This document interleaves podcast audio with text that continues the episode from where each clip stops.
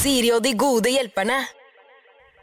Det er deilig å være tilbake med gode kollegaer som Selena Gomez, Marshmallow eh, og alle de andre der ute. Wolves heter eh, låta. Jeg heter Siri Kristiansen, og eh, med meg her på Radio 1 hver eneste søndag fra klokka to, så har jeg med meg to gode hjelpere som skal hjelpe deg med det du måtte slite med i ditt liv. Da må jeg jo vite hva det er, da, så da må du sende inn en mail til sirialfakrøllradio1.no og si hva det er du trenger hjelp med. Om det er en avgjørelse, eller om det er et dytt i ræva, eller hva det er du trenger. Det må du altså da bare formulere og sende til meg. Og jeg vet at nå, etter sommeren, noen er veldig gode på sommeret, eh, eller på ferie generelt, finner liksom den roen og blir eh, bedre seg i løpet av sommeren. Eh, Noen blir verre. Noen går fra hverandre fordi de finner ut at å herregud, det er deg, ja, deg liker jeg jo egentlig ikke. Det er mange varianter der ute. Sjøl er jeg bedre på fri enn på ferie, som jeg pleier å si. Jeg liker å ha litt fri her og litt fri der, men lange ferier da blir jeg eh, rastløs. Jeg føler jeg blir tiltaksløs, og så får jeg eh, dårlig samvittighet for at ikke jeg gjør mer enn det jeg gjør, og så har jeg lyst til å gjøre mer, men kroppen lyster ikke, osv. Til slutt så går jeg bare inn i en sånn slags vakuumaktig tilstand som jeg synes er vanskelig å komme seg ut av. Men eh, så røskes man ut av det da, på et eller annet tidspunkt, og for min del er det i dag. Og eh, Det liker jeg veldig veldig godt. Jeg syns det er deilig å bli røsket ut av vakuumet og komme i gang igjen. Og jeg skal jo da komme i gang med å hjelpe deg, sammen med da disse to gode hjelperne. Siri og de gode hjelperne. Søndager fra to på Radio 1. Og mine første gode hjelpere eh, denne sesongen er Linnea Myhre, god dag. God dag. Og så har jeg med meg Thomas Gulstad, eller Fingeren. Eh, Thomas Fingeren Gulstad, hva skal vi forholde oss til? Har du vokst fra fingeren? Nei, jeg, jeg, prøv, jeg har prøvd, men jeg tror ikke det er noe vits. Nei. Det er liksom det Det er mest, mest catchy. Ja. Da kan det hende at jeg eh, sier fingeren opp Ja. igjen til flere ganger i løpet av dagen i dag. Ok, det er Har, greit. har dere hatt fin sommer? Nå høres det ut som dere har hatt en sommer sammen, det har dere absolutt ikke. Har vi men, hatt en fin eh, sommer? Har dere hatt en fin sommer? Jeg vet ikke. Nei. Hva har du gjort? Nei, altså, jeg, min sommer har vært veldig lang. Det blir jo alltid det når det er litt sånn frilansliv. så jeg starta vel tidlig i mai, vil jeg tro. Ja. Um, men jeg har jobba litt innimellom, så det, jeg har vært både i Italia, vært i eh, Rosendal jeg har vært, vært Rosendal er fint! Ja, ikke at ikke Italia er fint, men Nei, er de er, de er like gode på hver sin måte, føler jeg. Så Tok du båten inn til Bergen? Ja. Burde jeg vite hvor Rosendal er? Det er utafor Bergen, da. Jeg er obviously. Bergen. Jeg skjønte jo liksom det nå, da. Av den Veldig båten. nydelig. Anbefales. Er veldig, veldig fint der. Ja, Ja. ja. Da skal jeg dra dit neste sommer. Hva har du gjort da, Thomas? Jeg har eh, varmet opp for Eminem, er det lov å skryte? Ja, det er lov å skryte av. Ja. Ja. Og derfra gikk det bare nedover, eh, egentlig. Eh, så jeg har vært i Jeg har, jeg har kickstartet 40-årskrisa mi, så jeg har begynt å skate. Ja. Har ikke du alltid skata da? Nei, det er det jeg ikke har. Å nei, du ser så skateaktig ut. Ja. Jeg skulle ønske eh, at jeg alltid har gjort det, Ja. Eh, og så har jeg bare utsatt det. Nå har jeg begynt. Kanskje Linnea Nei, kan gi deg 37. noen eh, tips, for hun har stått mye på sparkesykkel. Ja, det har du. Eller har du slutta? Nei, jeg, jeg gjør fortsatt det, men, men Har du gått over til L? Nei, det er. Ikke, eh, det er ikke poeng på sparkesykkel, føler jeg. Hvis du skal ha L, så må du ha sykkel.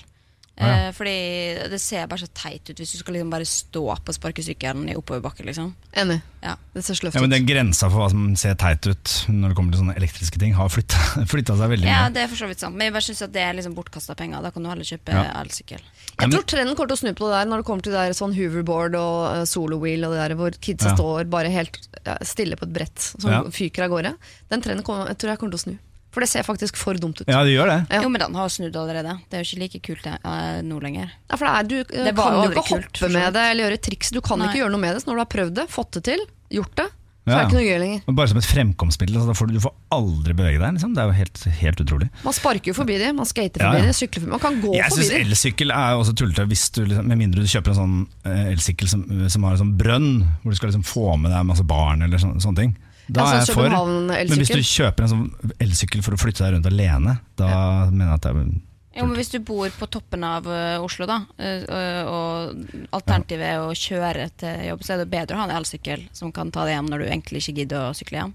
Eller byer som er verre enn Ja, Oslo. det er det- Bergen er jo helt altså Der går det ikke an å bo uten elsykkel. Hvis du bor på toppen av Fløyen. Eller så har flytta til Machu Picchu. Så kjedelig å ikke ha elsykkel, liksom. Ja. Men uh, da er det greit. Da er det greit. Ja, så da er vi enige. Fint vi får satt en grense der. Vi skal jo Mm. eh, prøve å hjelpe folk i dag, dere, i timevis. og sommeren er jo høytid for problemer. Eh, folk Ja, blir er det ikke jul, da? Ja, høytider generelt, og ferietid, hvor Ja. man virkelig man får tid til å være sammen med de man tror man elsker. Mm. Og så viser det seg at om herregud, deg liker jeg jo ikke engang, jeg har bare ikke rukket å se det i løpet av eh, hverdagen. Eller man treffer nye folk som man aldri har truffet før, som man blir forelsket i. Det blir ikke forelsket tilbake. Man finner kjærligheten i et annet land. Altså, det Ja, kan skje så ja, mye. Du flytter inn nye folk i huset ved siden av deg, som er grusomme osv. og Så, videre. så sommeren er vanskelig, så vi må ta, begynne på toppen av bunken og bevege oss hurtig nedover. Eh, og vi begynner allerede straks. Siri og de gode hjelperne. Mail oss på siri at radio1.no. Med meg som god hjelper i dag så har jeg med meg Linnea Myhre og Thomas Fingeren Gullestad. Og dere skal få et problem her fra en som heter Martin. Han har skrevet inn. Hei. Veldig enkelt spørsmål fra meg. Jeg har sagt til kjæresten min at jeg kan gjøre all vask av leilighet, en fireroms, dersom hun vasker alt av tekstiler. Det vil si å ha mine klær ferdig brettet i skuff. Er dette et rettferdig bytte, eller har jeg tatt meg vann over hodet? Så Martin er usikker på om, egentlig, om han har kommet dårlig ut av det ved å ta all husvask versus klesvask. Det tenkte jeg også, at det er jo veldig raust. Fordi klesvask er jo ikke så vanskelig, med mindre du har fem unger, liksom. Ja, jeg tror bare det er Martin og dama. hvor stor eh, står den om størrelse på leiligheten. Ja, fireroms. Jeg trodde du skulle si på klær klærne. Ja, ja. stort sett XXL. det vet jeg ikke. Nei, jeg, jeg syns også det han har kommet veldig godt eh, Nei, unnskyld, veldig dårlig ut av det. Altså, Han har gjort en dårlig deal. Men For jeg vil heller også vaske klær enn å Ja, det er jo gjort på Men det kommer jo an på øh, hvor, øh, hvor ofte vasker man, da. Men det er jo det å holde Ja. det rent. Og så er det kvaliteten på, på vasken. Hvis Mm. han er skikkelig dårlig på å vaske leilighet, og bak doen og liksom, du vet, de der litt uh, gory stedene, Ja, ja. så det kan hende at han slentrer unna, seg unna, liksom. Men jeg har gjort eh, jeg, har- For øvrig, hvis vi skal si vår fordeling hjemme, da er det øh, Sondre ta- rer opp senga, og så gjør jeg resten. Ja han Ja. kom veldig godt ut av det. Ja, da. men det er rett og slett bare fordi at eh, senga den, det er det kjedeligste jeg vet. Og han gjør det altfor nøye med hvis han skal gjøre ting. Hvis han Ja. skal støvsuge det, for eksempel, som jeg bruker ti minutter på, så bruker han tre kvarter. Og Åh, det irriterer jeg elsker han, for vi er akkurat sånn. Ja, ikke sant? Men da blir det til at jeg har lyst til å gjøre det isteden, for jeg orker ikke se på at han flytter på eh, hver eneste detalje i huset for å komme under, liksom. Men da er dere egentlig et godt team, for litt sånn er det hjemme hos oss. Jeg, Mm. jeg holder det ryddig sånn at det ser på avstand det ser veldig ryddig og fint ut, Ja, men det er egentlig utrolig møkkete. Ja. Og så kommer lokføreren, min mann, inn og tar på en måte det som ikke syns, men som er viktig å få gjort for at ikke det skal bli eh, bakterielt farlig å bo der inne. Ja, for jeg synes det er sånn, Når jeg skifter lyspære, syns det er deilig å gi liksom, den kuppelen en vask liksom, inni når jeg først har tatt den av. Altså, det er litt sånn, Oi. så jeg er mer eh, litt anal Men på sånn ser rengjøring. i- du, ser du at det er skittent? Ser du skitt og støv, liksom? Om jeg ser det? Ja. Ja, veldig tydelig. ja, for det er jo veldig mange menn som ikke gjør det. Og sikkert Å, ja. kvinner også, for så vidt. Jeg ser sånn, det er sånn tråder som sitter fast i teppekanten. Og sånne, Ja, okay. jeg, jeg får litt småangst av det. Så. Jeg tror alle ser det, men jeg tror veldig mange er vant til at, på, at det på mirakuløst vis bare forsvinner av seg selv på et Ja. annet tidspunkt, hvis ikke man gjør noe med det. Men jeg er jo en sokkebretter, for eksempel. Jenny har jo f- totalt anarki i sokkeskuffen sin. Ja. Eh, jeg, er sånn, jeg, brett, jeg finner alltid parene før jeg liksom legger de i skuffen, mens Jenny har en sånn haug. Oh, ja. eh, Kjøpte du den oppfinnelsen masse- hvor man kunne, eh, som man kunne sette på toppen av sokkeparene så det ble vasket sammen? Uh, nei, jeg, men jeg vurderte. Sokklipp, eller hva det Jeg, heter? jeg, var jeg var liksom helt sikker på at den kommer til å sette seg fast i vaskemaskinmotoren. Så jeg gadd ikke, å- Nei, jeg. Jeg tar meg heller bryet med å og gjerne kjøpe sokker som har liksom et signalement. Så at man ser hvilke som hører sammen ved et lett øyekast. Ja, ikke drive med å eh, tolke uh, sjatteringen av sort. Ja, ja, ikke sant? Hvor gammel, er, det, er det to måneders uh, aldersforskjell på dem? Eller? Men klarer dere å sette dere inn i For jeg, oppfatter Martin som en fyr da som gjerne ikke skulle ha vasket noe som helst, verken klær eller leilighet, og lurer da på om han har gjort et kupp, eller om han har dritt seg ut. Men det høres ut som det I hvert fall du, Thomas, liker både klesvask og husvask. Ja. Nei, ja, nei, jeg liker ikke husvask. Jeg liker klesvask. Ja. Hvis jeg må like en av dem, så liker jeg klesvask. Men jeg ville kanskje lagt på noe, da. F.eks. at hun da også har ansvaret for, eksempel, for matlaging eller middag. Eller, altså, Ja. Sånne type ting. da At hun Ja. får litt flere Det er ikke han som skal ha flere oppgaver, i hvert fall. Det, Nei, det er det ikke. Det, ja. Hun må nok kanskje handle, Ja. eller et eller annet også. ja. Ja. Da lurer jeg på om vi skal si til Martin at uh, alle vi eh, her ville heller ha vasket klær enn å vaske huset, hvis du har kommet litt dårlig ut av det. Så da må du se på regnskapet litt mer sånn totalt sett. Er det noen andre oppgaver også i huset? I så fall så bør ganske mange av de tilfalle henne. Uh, og så burde du velge de oppgavene dere liker. For hvis det er sånn at hun liker å vaske klær, og du liker å vaske hus, så er det greit. Men hvis en har fått oppgave hun liker, og den andre har fått noen hun ikke liker, sånn, så er det urettferdig. Ja. Så kan hende dere skal legge også kvaliteten også, må man også ta i betraktning. Da. kvalitet og Ja. hyppighet. Hvis Men, eh, hun krymper alle klærne hun vasker, så er det jo også et ja, såre rot. hvis hun uh, kjører silkeskjortene dine i tørketrommelen, eksempel, så Ja. da har du kommet dårlig ut av det. Men sånn, uh, vi syns på generelt grunnlag, når du, spør, uh, når du sier at det et enkelt spørsmål, skal få ett enkelt svar. Eh, det er ikke et rettferdig bytte. Du har kommet litt dårlig ut av det. Siri og de gode hjelperne. Søndager fra to på Radio 1. Med meg som gode hjelpere her på Radio 1 i dag, så har jeg med meg eh, Thomas Gulstad-fingeren. Eller Thomas Fingeren Gulstad. Jeg kommer til å si så mange varianter av det der Ja, i det dag. høres ut som du sier Gulstad. Gullestad. Gullestad. Ja, Ja, fint. Og Linnea Myhre. Ja. Mm. Og hvis jeg, selv om jeg jo etter hvert kjenner deg ganske godt, eh, Linnea, sier Linnea Dale, så er det bare fordi jeg har et uh, Linnea Dale-intervju friskt i minnet. Ja, ok. Så jeg, jeg tenker litt på henne innimellom. Det Ja, beklager ja, men det, jeg har hørt det før også. Den første, gang- eller, den første gang jeg møtte Gaute Ormåsen, som er, min barndomsforelskelse, så kalte han meg Linnea Dale. Ja. Så det, var- det, Ja. var, det var ganske Da sa greit, jeg er Gaute Grøtta Grav. skulle sagt det, skulle, skulle sagt det. Dere, vi skal ta et problem fra en som eh, gjerne vil bli kalt for Heidi, så det skal vi jo da prøve på. Hun skriver Vi, hun skriver på vegne av seg og sin kjæreste, er et ungt par som endelig har kjøpt hus litt utenfor byen. Vi flytter i august. Det har seg slik at min fars side av familien har alltid hatt for vane å komme på overraskelsesbesøk, gjerne i helgene, hjemme hos mamma og pappa da, da jeg vokste opp. Uh, og hun forteller også at eh, moren liker ikke dette her, aldri likt det, men hun uh, blei så eh, tvunget inn i at hun etter hvert alltid hadde vaffelrøre stående og kake i fryseren, for hun visste at den familien kom og herren flytte meg på døra hele tida.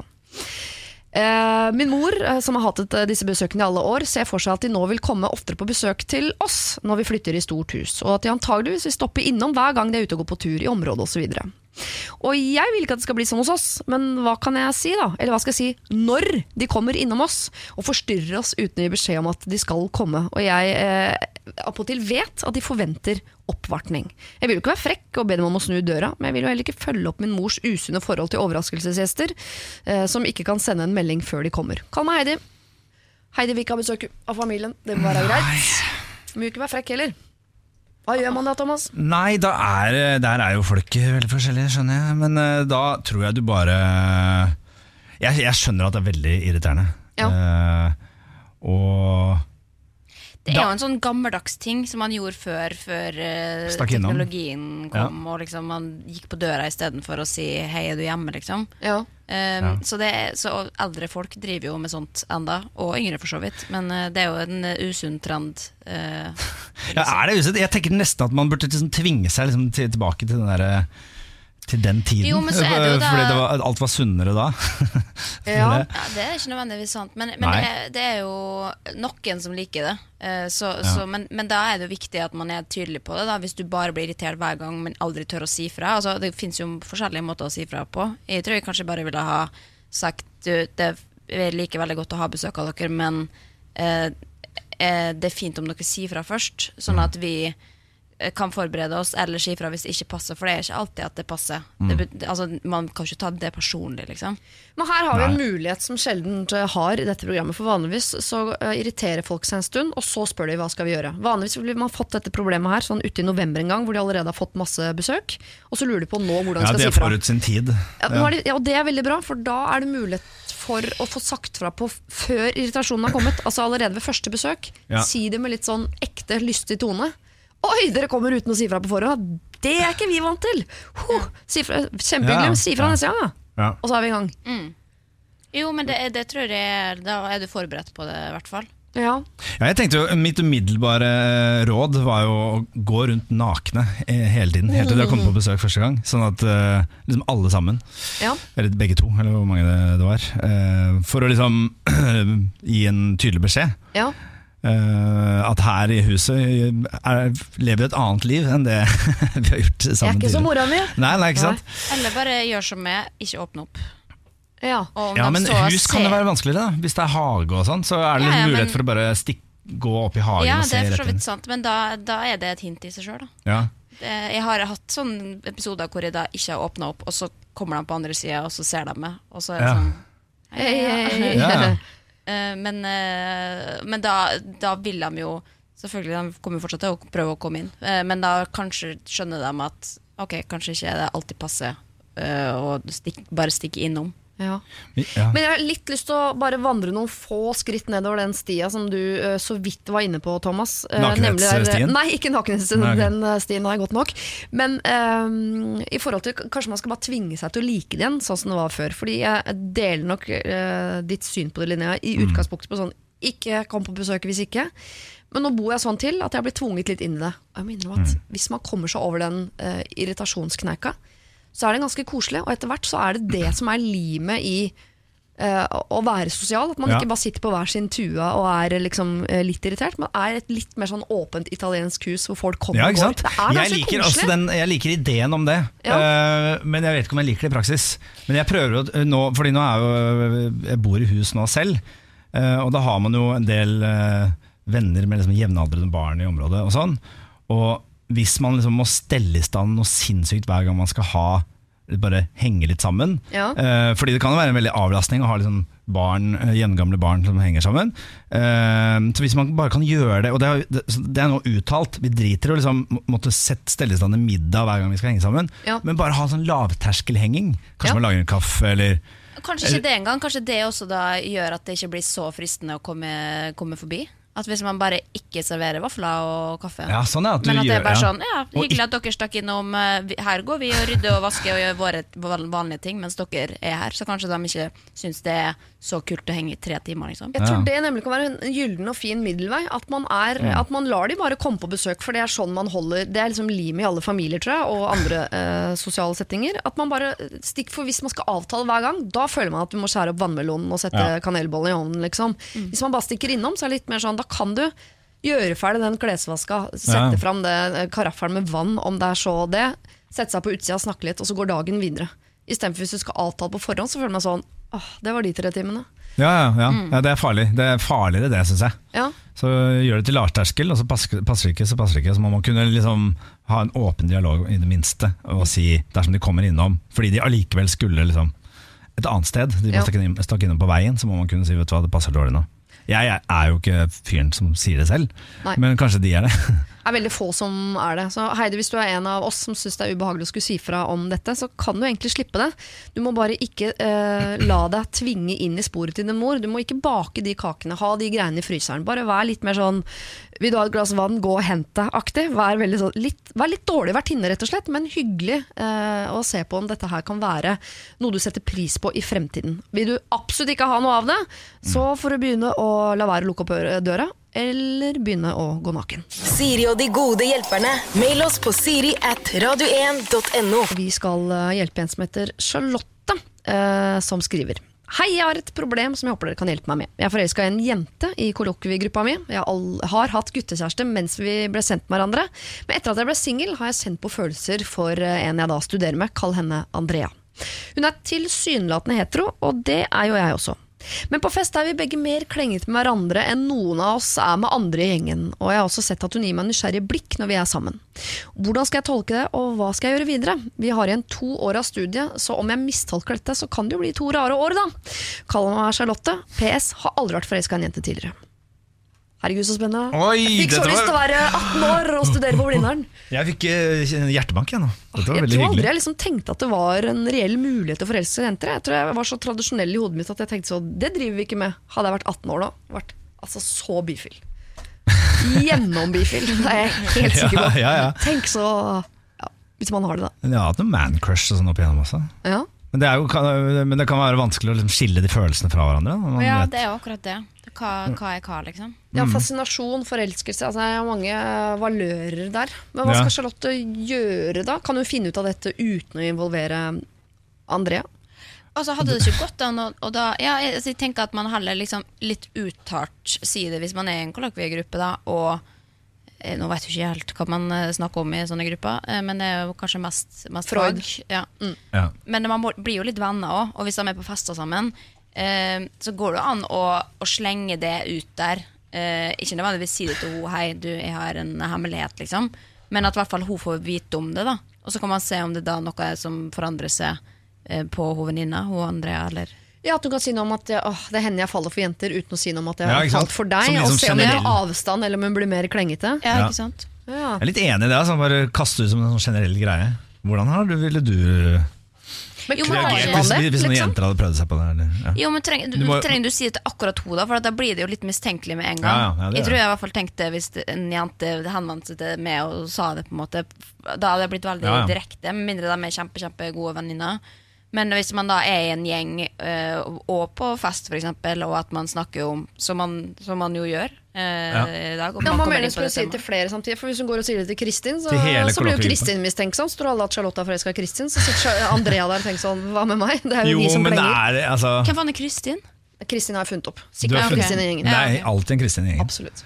Eh, ja, men kan man ikke eh, gjøre som man gjorde i gamle gamle dager? Da man uh, satte i gang sånn nødt eller sannhet for å liksom fremprovosere at man havnet i en situasjon. Ja. For å se om liksom Ja, eller jeg, jeg er aldri sånn som man gjør nå. Eller jeg er aldri. Ja, og så drikke på det der man ja, og legge fram en sånn Jeg ja. har, har aldri vært blitt forelska i ei jente før. Åh, Det er så Ja, ja. gøy når den Ta leken den som går fra nummer fire. Liksom. Ja. Det, det, det er ingen som gjennomskuer deg da. ja, Du må vente til litt lenger ute, for den kneika er veldig morsom i den leken. For det er alltid noen runder først som man sier ting man faktisk ikke har gjort. Og Mm. så begynner alkoholen å virke, så begynner man bare å si ting man har gjort for å skryte. Hvor det er sånn, jeg er aldri, Og så drikker man selv. Jo, men Man kan morsomt. også lage da sånne lapper så du slipper å stille det spørsmålet sjøl, men at man da har at andre Ja, ja. Så man slipper å tenke ut problem sjøl. Så jeg har aldri vært forelsket, eller vært tiltrukket, da. Av en annen jente. Ja. Eh, og så drikker Charlotte, og så må hun følge med på om Andrea drikker. Og så Ja. drikker Andrea, da. Hva gjør hun da? Hun kan jo fortsatt prøve seg på Andrea, selv om Andrea liker jenter. Så er det ikke sikkert hun liker Charlotte. Kan bli to rare år på studiet, dem. Jo, men da trenger du ikke si det, da. Men da må du i hvert fall Da har du- kaste, kaste litt ballen over på henne. også, at Det er, litt, det er ikke hun nødvendigvis som må legge an på henne, men at man kan Hvis de allerede er liksom på, på klengeren, holdt på å si, så, så, så vil jo det påvirke begge to hvis det faktisk er sånn at begge to er litt bifile. Ja, for da har du fått et, da har du fått et signal Ja. Ja. som er liksom inne i fellesskapet, da, jeg vil merke. Men samtidig så bør du jo da kunne hvis, altså Begge vil jo merke hvis det går liksom blikk, eh, er gjensidige blikk og sånn. At man Jeg har fått så mange blikk, tror jeg, opp igjennom av gutter er som jeg tror det er noe gjensidig, og så er det bare meg hver gang. Det er litt skummelt, det. Men Ja. jeg bare fikk et, eh, en scene inni hodet mitt, og det kan hende dette er galskap. Men hvis, eh, nå, er jeg, nå leker vi 'jeg har aldri'. Mm. Charlotte sier, eller noen sier 'jeg har aldri uh, vært tiltrukket av en jente'. Charlotte drikker, Andrea drikker. Da bryter Charlotte ut 'du òg'! Herregud, så gøy! Da må jo Ja. vi kline! Og som vi ser da om Andrea blir sånn mm. Å, skal Om hun blir kvalm, eller om hun blir glad. Ja, eller om hun sier ok, og så blir hun med på det. Og så, ja, Gjør det litt sånn lekent. Jeg tror ikke de skal sette seg ned og være sånn alvorlig på det. Nei, Liksom. må ikke, man må, nei, men jeg er helt enig i at det er å ufarliggjøre det. Når vi sitter og liksom dissekerer dette problemet, så blir det litt sånn Jeg føler at det, det blir liksom alvor. Man er redd for å begå den ene feilen som gjør at da you blew, you blew it. Ja, ja. Men det er jo ikke sikkert at det er så Jeg er veldig enig i den taktikken. Men samtidig, det er ikke så jævlig farlig å si om man Eller altså, det, det at så jeg bare tenker at, at det å, å si at man er, blir forelska i begge kjønn, det er jo ingenting som er finere og mer naturlig enn det. på en eller annen måte da At man kan, kan kunne snakke om det på en fest uten at det blir sånn hemmelighetskremmeri, eller at uh, hvis jeg sier det, så ødelegger jeg sjansene mine. Og uansett om hun kanskje ikke er forelska i det, så kommer hun fortsatt til å like det som, Ja. som venninne, liksom. Ja, men, Det er jo ikke sånn at man backer off i dag. Jeg tenker ikke at dette Nei. handler om eller, men det hadde vært en gutt også, hadde det vært like kleint å skulle finne ut av om han liker deg tilbake ja. når dere skal studere sammen i to år til osv. Så, videre. så Charlotte, jeg skjønner at du syns dette er vanskelig, men prøv å tenke at Prøv å eh, få med deg Andrea på inn i noe eh, som er eh, lek og lystbetont. Ikke at du skal få henne inn i noe som er blodig alvor. Fordi Andrea vil helt sikkert være med på Eller det er lettere å lokke Eller få med seg folk på noe som er gøy, da enn noe som er sånn Kom her, jeg må snakke med deg om noe uh, trist og alvorlig. Så uh, her anbefaler vi altså en drikkelek. Er det det vi går for? Ja, og det er ja, må ikke det drikkes? Ja, det må kanskje det. Nei, det må ikke drikkes. Nei. Absolutt ikke. Men det kan være Man kan komme fortere til sakens kjerne hvis man drikker. Absolutt. Og så er det ikke noe å være flau over heller, Charlotte. Hvis du vil si det til Andrea eh, på en litt ufarlig måte, så gjør Hvis du har baller til det, så gjør du for all del eh, det. Det er jo bare en hyggelig nyhet. Siri og de gode hjelperne. Og nå skal vi hjelpe en uh, jente som uh, Vi skal hjelpe henne å ta et valg, rett og slett. Og det valget må tas nå. Kjære dere. Jeg har hatt et godt forhold eh, til min mor som liten, men et mer turbulent forhold i ungdomstida, eh, nå som alkohol har blitt eh, i større grad nytt fra hennes side. Siste åra gikk det over stokk og stein da hun innså problemet sitt selv, og etter en heftig, ærlig og brutal samtale, etter seks år med hardt misbruk, så lovet hun meg et år uten alkohol, med behandling, og relasjonen vår, eh, som da var helt på bunn i begynnelsen av året, har nå etter hvert begynt å bli bedre. Hun har vist seg fra sin beste side, og jeg blir bare mer og mer imponert. Jeg har bodd borte dette året her, og hun spurte meg for en stund siden om jeg ville være med på jentetur i slutten av august. Jeg sa ja, jeg, før jeg fikk tenkt meg ordentlig om. Vi har jo fått et bedre forhold, og tilliten kommer sakte, men sikkert tilbake. Helt til jeg nå har funnet ut at hun har begynt å drikke igjen. Når jeg var, sa ja, så var det i den eh, tro at hun skulle være edru, og at hun holdt løftet sitt. Og nå lurer jeg på om jeg i hele tatt skal eh, være med. Hun kan vel endre navn på den reisende? Jeg er redd for å skulle være med som barnevakt om jeg blir med på denne turen, og jeg orker ikke tanken på å passe på min egen mor at hun ikke skal drikke. Jeg føler heller at eh, vi ikke ville ha kost oss så mye på tomannshånd nå, for å være helt ærlige. Så please, jeg setter pris på alle tanker rundt problemet.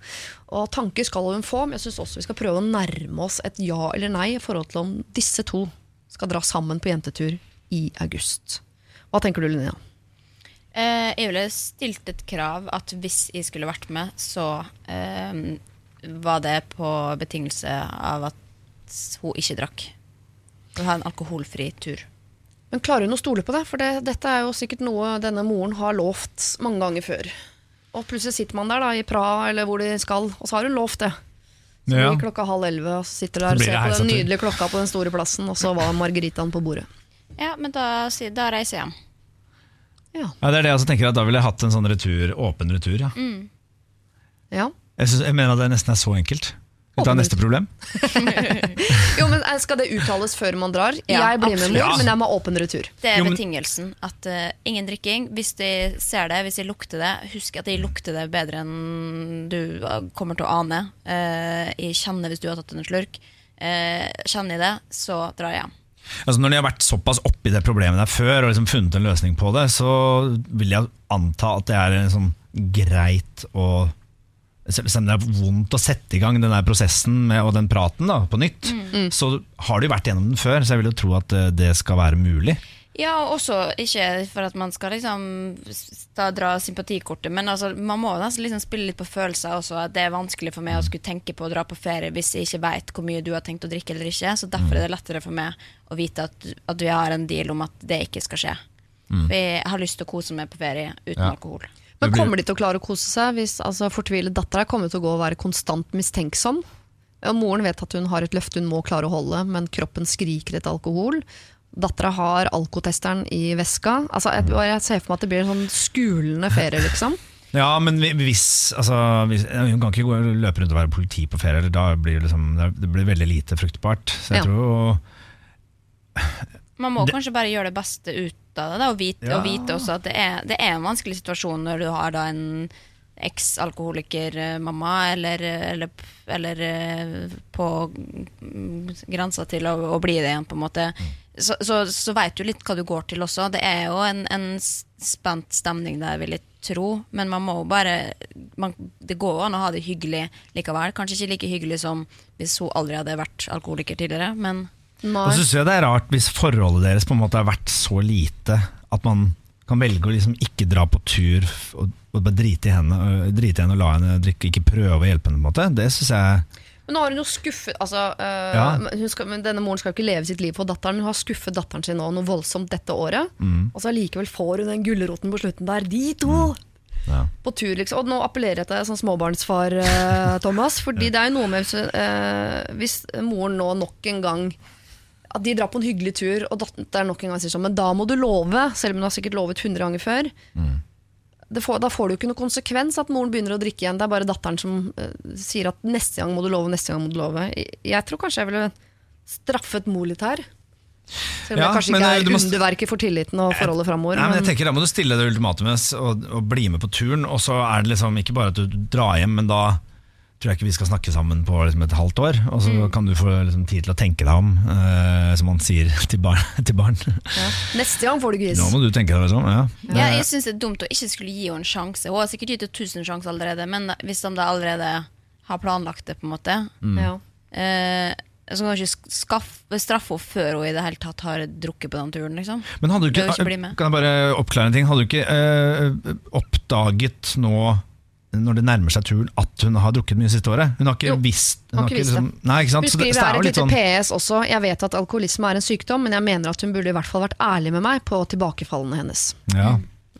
Men når, all den tid hun på en måte nylig har fått vite om det, eh, og det er såpass nærme den turen, potensielle turen, så ville jeg i hvert fall gitt henne den sjansen. Da er Ja. hun, det er lett å ramle utpå igjen, eh, selvfølgelig, etter å ha det- vært solid, ja. sikkert. Og det betyr jo ikke at, eh, at man da er på kjøret igjen. Det er mange som får tilbakefall og gjør det én gang, eh, eller ja. fem ganger, og så begynner de på nytt igjen. Det er ikke sånn at ok, men da er det bare å åpne flaska, på en måte. Og Og det kanskje kan hende nettopp det er eh, akkurat det moren trenger. Ja, hva det Ja. skulle si? altså hun Ja. trenger den tilliten og den hyggelige tiden med datteren som gjør at det er verdt å legge bort flaska, enn hvis hun da uh, ikke får dratt på tur, så kommer hun til å slukke den sorgen uh, med noe flytende. Og så begynte jeg å tenke på påskemorgen, og så slukke sorgen.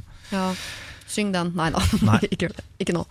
Eh, dere her klarte dere å snu meg, for jeg er jo trassig herfra til evigheten. Min grunnmur er eh, bygd av trass, så jeg ville ikke dratt. Det var sagt eh, fuck off, jeg blir ikke med på den turen.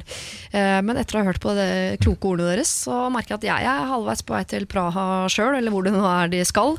Så kjære fortvilt datter, prøv å dra ned. Ikke vær politi, og vær tydelig på forhånd før dere drar om at jeg blir med på turen, men jeg har åpen retur. Hvis du sklir utpå her, så kommer jeg til å dra hjem, og vi to vi må ha en pause. Men kanskje det moren din trenger nå, er litt tillit og en hyggelig tur sammen med deg. Så dette kan være altså det som gjør at hun eh, faller tilbake fra sitt lille tilbakefall. Lykke til. Siri og de gode hjelperne. Mail oss på siri at radio1.no. I dag har jeg med meg eh, Linnea Myhre, forfatter. Det har jeg ikke sagt før. Men det er du altså. ja. Ja, jeg har ikke sagt det i dag, at du er forfatter. Og før fikk jeg ikke lov, nå får jeg lov til å kalle deg forfatter. Ja. Skuespiller Thomas Fingeren Gullestad. Ja, jeg begynte å skrive actor i sånn visumsøknader. på- Ja. Ja. Det Er var, jeg var kjapp, kjapp på det. Men det Eh. lurte jeg på, ikke at det er egentlig det vi skal snakke om, men uh, når du ble tilbudt den uh, rollen i En tolvte mann, som uh, sønnen min maser om å få se, jeg har ikke fått lov ennå, men jeg liker den veldig godt. Um, Sønnen din eller filmen? sønnen min og filmen, Ja. mm, hver for seg. Okay. Kanskje sammen. Hadde du spilt noe som helst? Altså skolerevy, liksom? Nei, det hadde jeg ikke. Jeg, jo, jeg var politimann i 20 sekunder i Tomme tønner. Én Ja. og to, tror jeg. Jeg lurer på om jeg var med i begge filmene. Jeg husker ikke. Så null liksom, skills eller erfaring, og rett på hardcore eh, Null skills eh, eller ambisjoner eller drøm om det, egentlig. Faen så irriterende for alle som går på ja, er teaterhøgskolen. Men jeg, jeg har jo alltid vært liksom forelska i det der eh, Romantisert på en måte sånn da jeg var 15 år og spille sånn mafiafilm eller Ja. sånn slåssfilm med Jean-Claude van Damme og sånn. Ja. Og liksom være sånn helt. Ja. Men uh, ikke noe mer enn det, nei. Det er utrolig Det er en veldig irriterende fyr. Håper det sånn ringer, eh, Jean-Claude ringer da. Trenger en ja. liten Han begynner å bli litt uh, Han er ikke så rå i den spagaten sin lenger. Han må varme opp skikkelig før han får til den. Begynner å bli slapp i ramma, han der. Ok, dere, Vi skal over til et problem som jeg aldri har vært borti før. Det handler jo litt om da, teknologi, så dette problemet eh, tror jeg ikke kunne ha eh, eksistert for la oss si fem år tilbake. Hei! Naboene våre har kjøpt seg drone med kamera som flys døgnkontinuerlig. Huset deres ligger et lite platå under vårt, så vi vil si at den eh, svinser rundt i veranda vindushøyde hos oss. Nevnte jeg at det er kamera på jævelskapen. Så er det innafor å liste seg ned til naboen i nattens mulm og mørke, knuse dronejævelen og tisse på trappa. Eh, mulig dere finner andre løsninger her enn akkurat denne, men det er den eneste jeg kom på akkurat nå. Hilsen hissig huseier med susing i øra. Ja, det er, jeg tenker hagle. Hagle. Eh, Bare få, få skadedyret vekk. Ja, Ja. tenker sånn, Sorry, jeg trodde det var lerduer, liksom. Ja, ja. ja, ja. Men altså, det er jo et eh, lovverk eh, Jeg vet ikke om det er trådt i kraft ennå, eller om det er up and coming, men altså det å fly på privat, uh, privat eiendom. Men nå er det deres egen eiendom, da.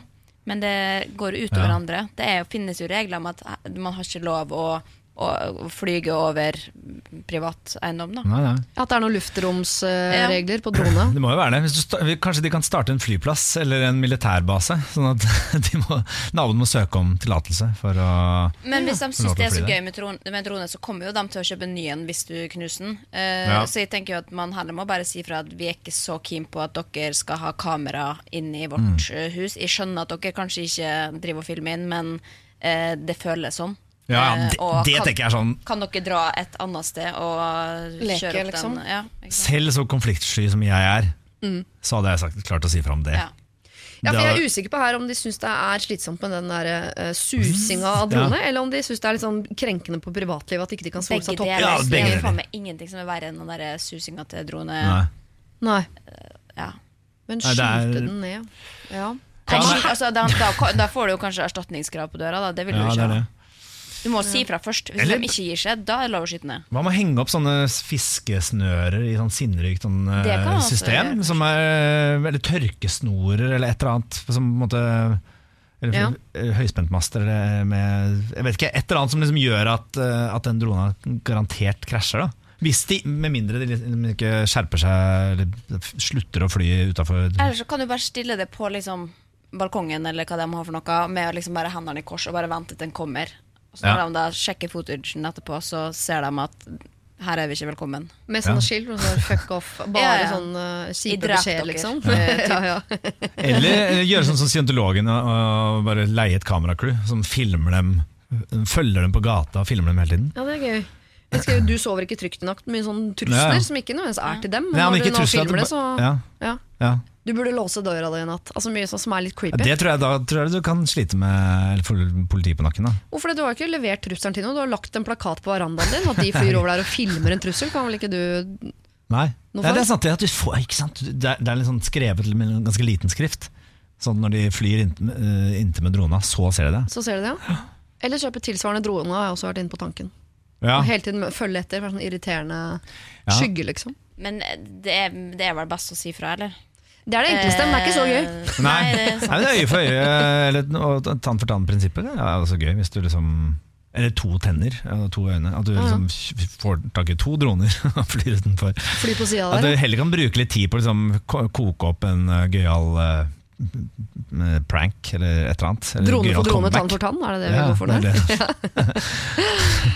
er Flapp for flapp, eller hva det heter. På, Men sjekk også opp eh, hva som er reglene på det. For det er noe ja, priva privatlivets fred og, og så videre. Ja. Jeg ville Eh. lekt meg litt med noe hevnmotivert før jeg sjekka reglene. ja. Jeg husker vi hadde en nabo en gang som uh, Dette er også teknologi, men bare sånn tilbake i 1986, kanskje. Ja, da fløy en faksmaskin forbi verandaen ja. Ja, det, var, det er kun flyvende ting vi snakker om. Nei, men Da drev eh, faderen og jobba ute i hagen og hadde en radio som sto og spilte. Da kom naboen ut av En sånn nabo som bodde liksom inni en liten skog. Ja. Så han hadde sånn, Du så aldri huset hans, du så bare masse svære grantrær. Men Det var første gang jeg så han. Da kom han ut av sk- eh, skogholtet sitt med en eh, hageslange og spylte ned eh, radioen til pappa. Uten liksom noe forvarsel eller noe sånt. For Kan du dette er konsekvensen av konfliktskyhet. For da, Ja. eh, Det er ingen som sier fra noen ting. Går Nei, man irriterer seg helt til man må hente hageslangen og ødelegge Ja, naboens eiendom. Ja. Håpløst. Det kan godt hende at de er helt fine med å fly den drona si et annet sted. Det, ja. Nei, ikke bli han gærne naboen som kommer ut av skogen og spyler ned naboens uh, tekniske duppedingser med hageslangen. Vær så snill. Så ta så uh, Gjør det som selvfølgelig er det beste og det enkleste. Du sier fra først. Alle har forståelse for at det er litt slitsomt med drone i hagen. Og hvis de ikke møter forståelse med forståelse, da kjører vi eh, drone for drone, tann for tann. Da er vi over i uh, hevnmotiv. Så om du vil eh, tisse eller skyte eller hva ditt hjerte begjærer, eh, der må du bruke din egen kreativitet. Siri og de gode hjelperne. Dere fikk en mail her for noen dager siden eh, som jeg ble litt i stuss over. For det er altså en mor som sender inn et problem eh, på vei Altså Hun vil at vi skal hjelpe datteren, eh, men jeg tror også i det å hjelpe datteren her, så eh, må vi også hjelpe mor lite grann. For hun har en datter med en drøm. Og når man har et barn med en drøm, så blir altså det et viktig prosjekt også for foreldre. At denne drømmen skal gå i oppfyllelse. Og Noen ganger er det bra, noen ganger så presser man altså barn inn på øh, Norske Talenter-scenen uten at de har noe der å gjøre. Og det blir bare flaut. ikke sant? Her er det en datter som øh, vil bli øh, popstjerne. I likhet med veldig mange andre. Hun har sendt meg både bilde av datteren sin, og hun har sendt meg en låt som datteren har laget. Og jeg var hyperskeptisk. Tenkte sånn, dette er noe dritt, var jeg helt sikker på. Eh, så på bildet først, og så hørte jeg låta, og låta er jævlig fin. Oi. Den er veldig, veldig kul! Og da var det noe i meg som hadde litt lyst til, eh, uten at det er i min makt overhodet, men da fikk jeg eh, lyst til å hjelpe mor med å hjelpe datter. Men jeg har ikke noe mer skills på dette her enn eh, mannen i gata. Men kanskje dere har. Jeg leser noe av mailen.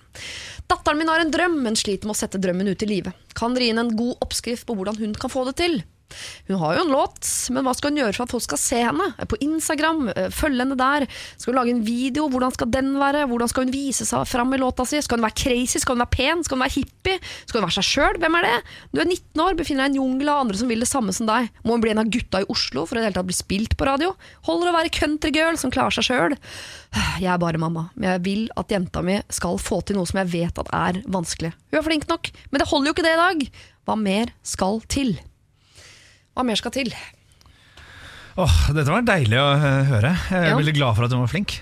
Er flink. Jeg var glad for at hun var 19, at hun er liksom Ja. ikke 10. Ja, det, det er Eh, veldig bra. for Fordi alle har vel egentlig i løpet av livet en drøm om å bli Ja. en popstjerne. Ja, Hun er 19 og flink og har lagd en låt som jeg med mine ører syns høres ferdigprodusert ut. Ja, men jeg mener at bra musikk finner veien til eh, folk Som uansett. regel. Det Ja, som finnes regel. alltid heldige unntak. Ja. Uh, så jeg, jeg syns jo liksom f.eks. for eksempel Soundcloud er en fantastisk, et fantastisk sted å liksom kunne legge ut og, og, og oppdage ny musikk. Ja. Som ikke liksom nødvendigvis er signa eller uh, Men det er klart, du kan jo veldig fort forsvinne i mengden, for det er også dritmye som havner der.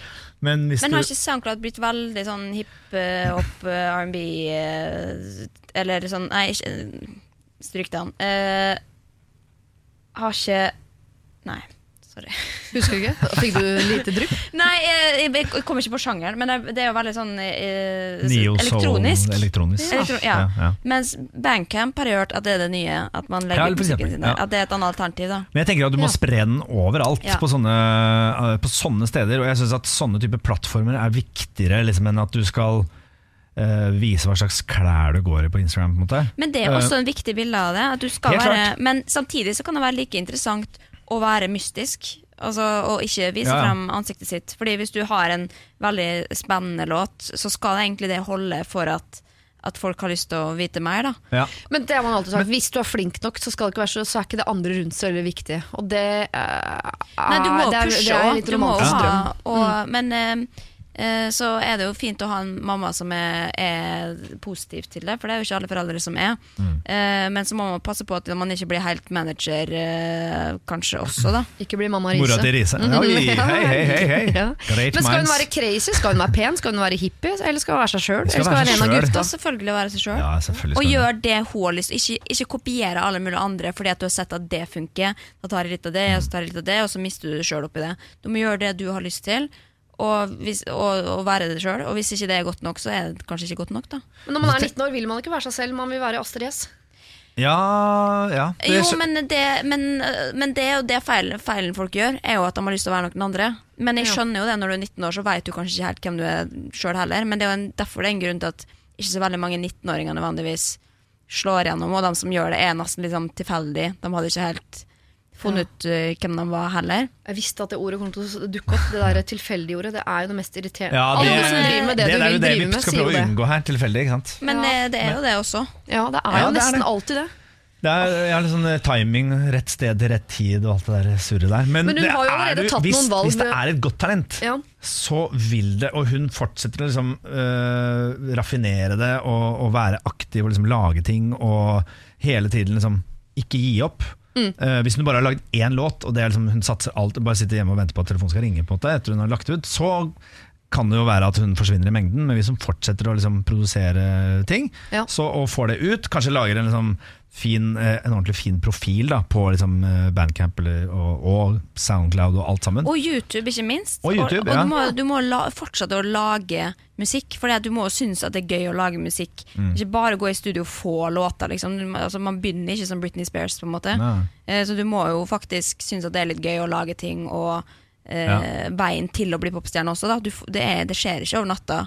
med de aller fleste. Så det er bare å covre ting og øh, stjele og holde på. Det er jo det alle gjør. Ja. Eh, så mye som mulig. Og så må man sende ting til A&Rs liksom, i plateselskapene. Hvis man har lyst på Hva er A&Rs? Det er det, det Artist Relations, eh, Ja. et eller annet. eh, Jeg husker ikke hva det står for. Men det er de som som- både leter etter nye talenter der ute. Du er 19 Som, år, befinner deg i eh, en jungel av andre som vil det samme som henne. Bare tenker at Det er veldig godt det dere sier med at ikke gi opp, fortsett å jobbe, lag Ja. masse musikk. For er det noe ikke alle 19-åringene driver med, så er det nettopp det å lage musikken. Veldig mange som er flinke til å synge, Ja, ja. Men, det, det... men det er ikke så mange som lager. Nei. Det Nei, det er det ikke. Men send, eh, sender hun en melding til Moni Plaha. Eh, han er NR Universal, som eh, Så ordner det seg. Ja. Det er nok Tenk eh, alle, mamma. man, man kan finne alle på eh, internett. Du kan liksom få tak i hvem som helst. Du kan finne Team Blacksmith, liksom, eller Ja. eh, de Altså du vil klare å få kontakt med hvem som helst, selv om du, det hjelper jo selvfølgelig alltid å kjenne noen. Ja. Men eh, veien er kanskje kortere til, i, i Norge til å få eh, musikken din hørt Mm, av de riktige folkene. Så gi, bruk de, den uka på å bare finne de riktige folka. Så mamma, eh, veldig bra mammainitiativ. Ikke bli mamma Riise, men når du allerede nå har klart å finne både fingeren, Linnea og meg, så klarer du også å finne eh, riktigere folk i eh, bransjen der ute som du kan ta kontakt med. Det er ikke noe tvil om at datteren din har et talent. Eh, så eh, fortsett å jobbe hardt. Ikke du altså, men datteren din. Eh, motiver henne til å fortsette å jobbe hardt. Ikke bare lag denne ene låta og sett deg på et gjerde og forvent å bli plukket opp. Du må jobbe hardt hver eneste dag, både med musikk, men kanskje også med hele den pakka rundt, som du hører at jeg ikke har så mye fagbegreper på. Heldigvis har jeg andre her som kan nettopp det. Lykke til! Siri og de gode hjelperne. Søndager fra to på Radio 1. Scared to be lonely er hun Dua Lipa her sammen med Martin uh, Garrix. Um, vi skal ikke ta for oss ensomhet her nå i Siri og de gode hjelperne. Vi skal vel nesten ta for oss det motsatte. For alle har vel en venn i gjengen de irriterer seg over, eh, og som man eh, ofte kanskje baksnakker. Eller sender inn mail til dette programmet og lurer på hva man skal gjøre med. Eh, Det er det Linnea Myhre og Thomas Fingeren Gullestad som skal hjelpe meg med i dag. For Andrea hun er drittlei venninna si.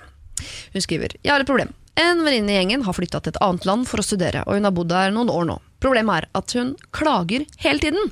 Hun klager over hvor dårlig råd hun har, hvor mye skole hun har å gjøre, hvor sliten hun er, eh, gutteproblemer og generelt alt det går an å klage på. Jeg blir altså så sliten av å høre på det, og det har blitt at jeg bare jatter med når hun klager, eller så lar jeg være å svare. Jeg har tidligere prøvd å trøste, støtte og komme med oppmuntrende ord, men det virker som eh, hun bare vil dyrke klaginga. Det har blitt en snakkis i vennegjengen, og jeg merker at jeg lar være å ta kontakt, for jeg orker ikke å høre på klaginga hennes mer. Altså, Det suger energien ut av meg, og hun klager på Snap, på Messenger, på telefon, og de sjeldne gangene vi snakkes sammen. Hver gang eh, vi snakker sammen, så, så klager hun, og jeg hører på. Jeg har også tidligere sagt fra at det blir litt mye klaging, men hun faller bare tilbake i det gamle, samme sporet igjen. Jeg savner den gamle venninnen min, hun som klagde i normale mengder. Eller er det noe håp for å redde henne? Kall meg Andrea. Altså Hun vil faktisk ikke dumpe venninnen sin, som det er veldig mange som ønsker å gjøre, faktisk, og lurer på hvordan. Hun ønsker å redde henne. Ja, så bra. Hvordan redder man en klager over til den lyse siden igjen? Uff, jeg kjenner meg jo igjen, da, men ikke i venninne. Altså, jeg kjenner meg igjen i klageren, på en måte. Jeg Ja. er jo hun som, uh, sjøl om det er noe positivt, så greier jeg å dra noe negativt ut av det og finne noe å klage på. Eh, Ja, men hvis- Du gjør det jo med eh, humor og intellekt på en måte som du sitter ikke i saccosekken og neger. Det oppfatter jeg ikke at du gjør. Line. Nei, ikke liksom konstant, men det er alltid sånn at jeg, hvis noen sier 'å, så fint det er her', så sier jeg 'ja, men det er jo litt kaldt', da. Altså Selv om det ikke er enkelt. altså, eh, det, det er alltid Jeg kan aldri si at noe bra Var er reelt nå? Eh, ja, det kan Ja. jeg for eksempel. uh, det- Og er helt sånn automatikk i mitt hode Ja. at jeg drar alltid ut det som er negativt. Ja. Eh, at Jo, men når vi møttes i dag, så snakket vi jo liksom løst og fast om sommeren for å komme i, liksom, eh, for å åpne. Og så sier Thomas ja, åh, et eller annet om varmen. Så sånn, ah, varmen, liker ikke varmen. Ja, Ja, ja. du burde dra nordover, jeg liker ikke kulda heller. Ja, hva med eh, Og så havna jeg til slutt på at du burde bo i Molde. Ja, eh, men så sa jeg ja, Men liker Men så liker du ikke Molde, eller stemmer det? Men, Hvor vil eh, du helst bo? Ja, la oss ta det senere. Ja. Nei, um, men, men eh, det som i hvert fall har hjulpet med, uh, kan jeg si der, er at jeg har blitt bevisst på det. Um, og, og at jeg ber folk å minne meg på det også. At uh, nå er du litt uh, negativ. Men hun, hun sier jo at hun har sagt fra tidligere, da. Ja. Ehm, men kanskje at man må gjøre det på en litt mer ordentlig og vennlig måte og si du, jeg syns du klager mye, og jeg, det kan bli litt sånn slitsomt. Litt sånn smittende på en måte av og til. Som, har du tenkt på det sjøl, at du Ja. gjør det mye, eller er det noe du liker? Går det liker? bra, liksom? Ja, er, det, er det noe som er alvorlig Eller er det, gært, gjør du det med alle, eller er det bare med? Eller, altså, at man liksom bare stiller litt spørsmål, da, uten å si 'du gjør det, og derfor gidder ikke liksom. Men at man heller Men her oppfatter jeg også at dette er en venninne som har forandret seg litt. Han holdt ikke på Ja. sånn før. Jeg tenker med deg, Lina, Hvis du plutselig nå skulle bli sånn ekstremt jolly person som syntes alt bare var eh, rosa, så det, hadde, det jeg vet ikke om jeg hadde likt så godt, faktisk. Men her har jo Andrea mistet en venninne over i, i klagemyra, og det som er stygt også, er at det har blitt så mye av det at hele vennegjengen snakker om ja, hun hun, der. hun har balansert på en knivsegg og falt ned på feil side. På en Ja, antageligvis. Ja. Mm. Fortsett å minne på. Nå klager Ja, hun, nå klager altså, nå, sier- nå vil jo faktisk hjelpe henne, og da må hun ta litt på ordet på det. Og da, og da må man faktisk kanskje tørre å si det at det eh, plager meg litt. Eh, Ikke for å klage, men eh, også at, man, at man tør å si det. Og er det noe du, er det noe du trives med sjøl? Har du lyst til å ha det sånn? Eller skal jeg minne det på det? Fordi av og til så, så kan det bli sånn at de når jeg ikke gidder å høre på det, at jeg da kanskje ikke har lyst til å treffe det. Altså liksom At man er litt sånn Ja. en god venn, da. Selv om det kan jo være ubehagelig å si. Men For Tidligere i dag så, ba, så skulle vi møte drone med drone. Eh, Ja. Skal vi her møte klaging med klaging, eller skal vi nei, ikke, man skal ikke klage tilbake, syns jeg. Jeg syns man skal gjøre det på en fin måte. Eller altså, eh, altså Som om det skulle vært hva som helst annet alvorlig tema, da. Ja. Uh, at eh, Ja, at man behandler litt med respekt, rett og slett, og sier at det har plaga meg litt. Ja. Ja. Dette er kanskje ikke så ofte et problem i guttegjengen. Jeg ser ikke for meg at dere sitter og neger så mye. Nei, men jeg har noen som eh, kjenner jo noen som dyrker klaginga, Ja. på en måte. Og dyrker at ting er liksom vanskelig og, og sånn. Ja. Og det syns jeg er liksom fargerikt. Da er han sånn. Ja. Og så er det noen andre som er kjempejolly. Og, så jeg, jeg føler at det er på en måte det, det er gøy med en gjeng folk er forskjellige. Ja. men, uh, Men hvis han hadde jeg- ringt deg ofte vært... og fylt hodet ditt med sånn Og du følte at 'jeg kan ikke si det jeg mener lenger', jeg bare jatter med med klaginga di, for jeg orker ikke å stå imot. Ja, nei, det, er- det er klart Blir det slitsomt, så er det jo slitsomt. Da må man jo si fra på en eller annen måte. Da må, hvis det har gått så langt Og man har sagt fra før, så må man liksom finne ut av om det er et skikkelig problem et eller annet sted. Ja. Eller sånn spørre hva er det som gjør deg glad? jeg vet Ja. ikke. Hva, hva ville du, du som er en klager, hva ville du liksom Hva ville, hva ville låst opp uh, døra? Nei, det var vel kanskje det. Jeg tror kanskje det var Sondre som, som påpekte den gang at det er Altså Når jeg da for n-te gang finner noe negativt med alt dette fantastiske som han viser meg, så, så, ja, så sa han bare etter det. Men hva er, hva, er, hva er det som er bra nok, da? Altså Hva er det Ja. du ikke kan kritisere, på en måte? Og da ble jeg litt sånn selvfølgelig lei meg fordi jeg følte oi shit, eh, jeg er en klager, liksom. Uh, automatisk. Men også fikk litt sånn heads up for at eh, shit, må, dette må jeg tenke over, og eh, kanskje kunne Sjøl om det, det er nesten litt sånn eh, tics som er bak der, som jeg må bare da holde tilbake, og heller kunne sette pris på det som er positivt også, da. At man Ja. greier å trekke ut det også, sjøl om det ikke ligger latent i meg, på en måte. Jeg tror her, Andrea, Hvis vi har med en klager å gjøre, så tror jeg eh, det er veldig fint at du allerede har eh, sagt det. Det krevde sikkert eh, sitt, det er det ikke så mange som gjør. Men dessverre så holdt det ikke med den ene gangen. Jeg tror du må eh, gjenta og gjenta og gjenta og minne på og minne på minne på hver gang denne venninnen din eh, blir negativ, og prøve å dra henne tilbake over på den lyse siden. Minne henne på å si ifra hver gang hun klager på noe som kanskje ikke er verdt å klage på. Og så ser hun på sikt på et eller annet tidspunkt at det går opp for henne eh, hvor mye hun klager, og selv får lyst til eh, å endre det på en eller annen måte. Om hun må finne seg sin egen Sondre på et eller annet tidspunkt, det kan hende, men enn så lenge så har hun bare deg, Andrea, og da er det fint at det er du som gjør det. Siri og de gode hjelperne. Søndager fra to på Radio 1. Dere, vi skal ta et problem som, altså Selve mailen er så lang at jeg kan ikke lese den, selv om vi her eh, alle tre nyter vel en god, lang bok som representanter fra kultureliten, men jeg skal ta noen utdrag. Dette er Misha som skriver inn. Han er en mann. Hei, Siri. Jeg, jeg håper du har med deg dine to beste hjelpere i dag, og det har jeg. Jeg har et dilemma, men først litt bakgrunnsinformasjon, kort oppsummert. Og jeg skal oppsummere det enda kortere. Altså, han har møtt en dame på Tinder, de har snakka masse fram og tilbake. Til slutt har de avtalt å møtes. Hun reiser to og en halv time for å komme på besøk, tar med seg en venninne. De koser seg, han skaffer en kompis til venninna. Alle koser seg altså mye, og de har kosa også i ettertid. Hun har besøkt han, han har besøkt henne. Altså, det har utviklet seg et slags forhold. Det er ikke her problemet ligger. Jeg syns jenta er kjempegrei og trivelig, og alle kompisene mine liker henne når, eh, likte henne når hun var her. Hun har fin kropp, bra utseende, men hun maser! Og når jeg sier maser, så mener jeg maser. Om jeg er borte fra telefonen et par timer, så har hun rukket å sende uhorvelig mange snaps, sendt melding på Messenger og lurt på om jeg lever, sendt video på Instagram, tagget meg et innlegg på Facebook og sendt en SMS på telefon eller ringt.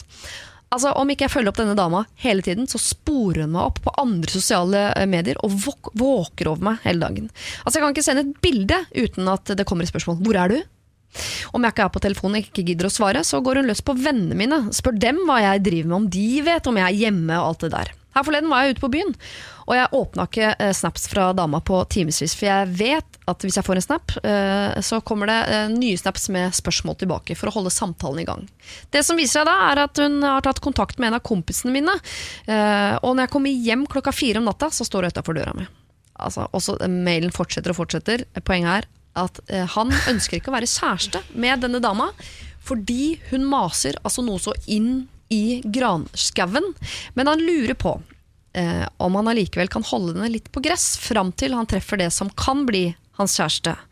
Eh, jeg er ikke interessert i å kjøre dobbeltspill hvis jeg finner den rette, bare så det er sagt. Kall meg Misha fra Norske byggeklosser, intern humor, prikk, prikk, prikk. Tar den ikke, har ikke sett filmen. Ikke jeg det. Eh, jeg tenkte nå uh, at vi først, før vi skal ta tak i om man kan uh, holde henne på gress til han treffer kvinnen sitt liv, snakke litt om dette masegreiene.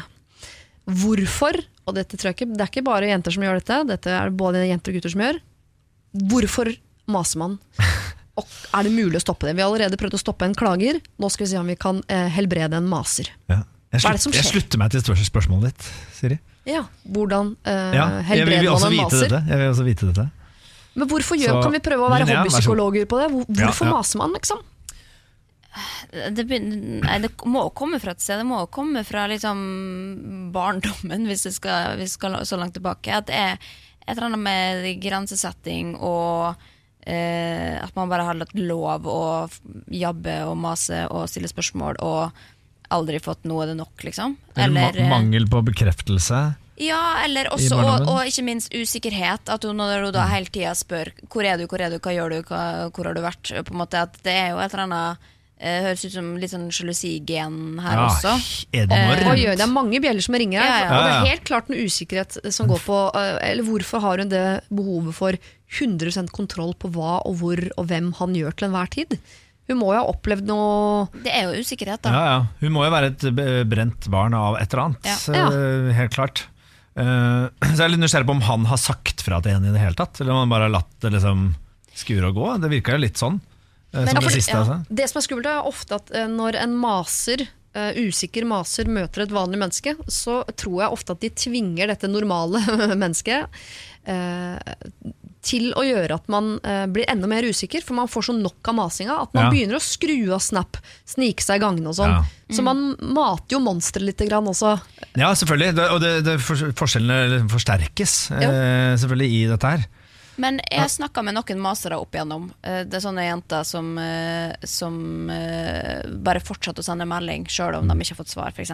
Eller når man helt åpenbart bør ta litt avstand for å ikke liksom overrumple dem, eller ja, rett og slett føle at det gjør at de føler at de blir altså, frastøtt dette mennesket fordi at det er så mye mas. oss. så spør jeg men hvorfor fortsetter du da likevel å sende melding?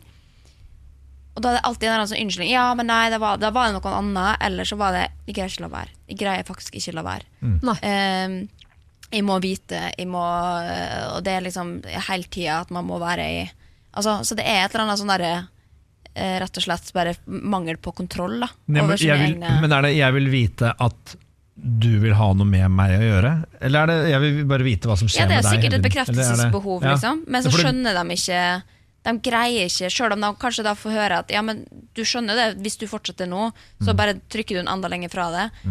Ja, ok. Og så går det tre minutter, og så har du sendt melding likevel. Ikke sant? Altså Det er helt sånn der ko-ko tankegang. Det er litt som med meg og godteri. Hvis jeg, eh, har klart å holde meg unna i tre minutter, så syns jeg at jeg har vært så flink at da må jeg få lov til å belønne meg selv med eh, Ja. godteri det fjerde minuttet. Og sånn er det sikkert med SMS. Og nå har jeg holdt meg unna SMS-en i tre minutter. Ah, da, det, da, nå, nå, nå. Ja. Og så blir de der eh, små øyeblikkene man holder seg unna, blir aldri lagt merke til.